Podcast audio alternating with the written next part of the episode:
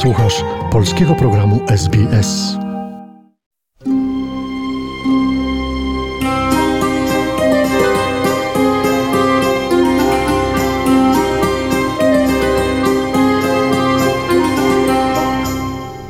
Opowieści Suczki Feli, czyli psiografia, rozdział dziewiąty, poszukiwanie mamy.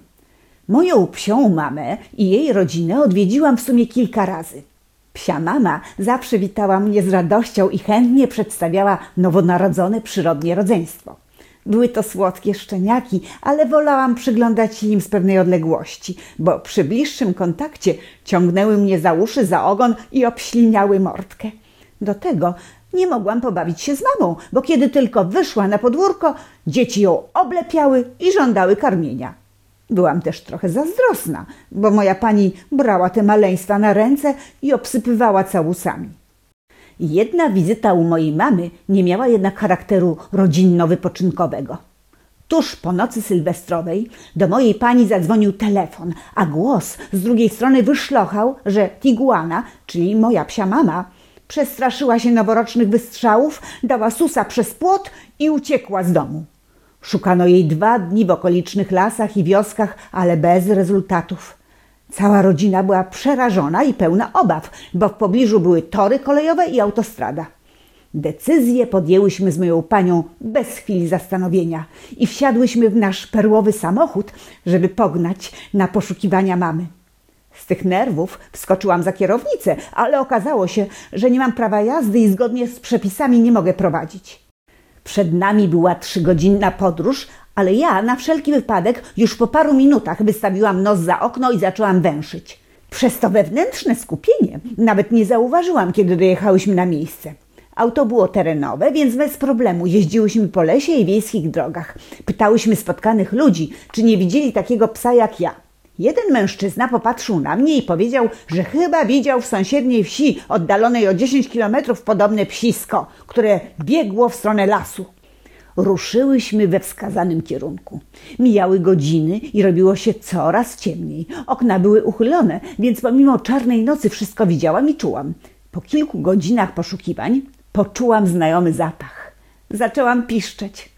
Moja pani zatrzymała samochód w środku lasu i popatrzyła na mnie z niedowierzaniem, ale ja byłam pewna, więc niedowierzanie przeszło w podziw.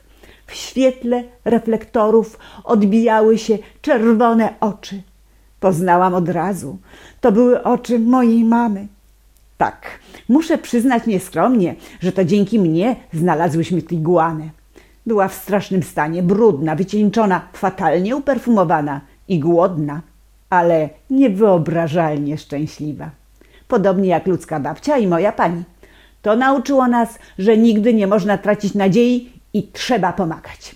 A co do wystrzałów noworocznych, to właśnie ich nie lubiłam najbardziej ze wszystkich rzeczy na świecie. Potrafiłam już kilka godzin wcześniej wczołgać się pod łóżko, spod którego nie wyszłam aż do następnego rana. Co prawda raz spróbowałam uczestniczyć w przyjęciu sylwestrowym, ale nie wypadło to najlepiej. Goście i moja pani zasiedli do uroczystej kolacji, a za oknem o północy wystrzeliły petardy. Nie wiem jakim cudem znalazłam się na stole z jedną łapką w sałatce jarzynowej. Przy okazji zbiłam kilka talerzy, szklanek, no i kryształowe kieliszki. A czy to moja wina? Przecież wszyscy wiedzieli, że boję się wystrzałów i wtedy robię rzeczy, których wolałabym później nie pamiętać. Powinni się cieszyć, że tak jak moja psia mama nie wyskoczyłam przez okno i nie uciekłam. Trudniej znaleźć przerażonego psa w środku miasta niż kupić nowe kieliszki. Dlaczego ludzie nie mogą cieszyć się troszkę ciszej? Wszystkie zwierzęta tego się boją, z wyjątkiem oczywiście tych głuchych. Wśród moich znajomych było kilka takich przypadków. Należała do nich moja największa i zarazem najmniejsza przyjaciółka Beza, która miała to szczęście, że niczego się nie bała, bo nic nie słyszała. Ale o tym opowiem przy następnym naszym spotkaniu.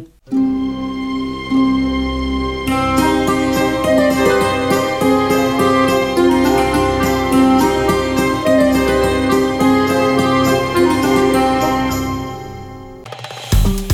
nas na Facebooku, udostępnij innym, skomentuj, bądź z nami na polskim Facebooku SBS.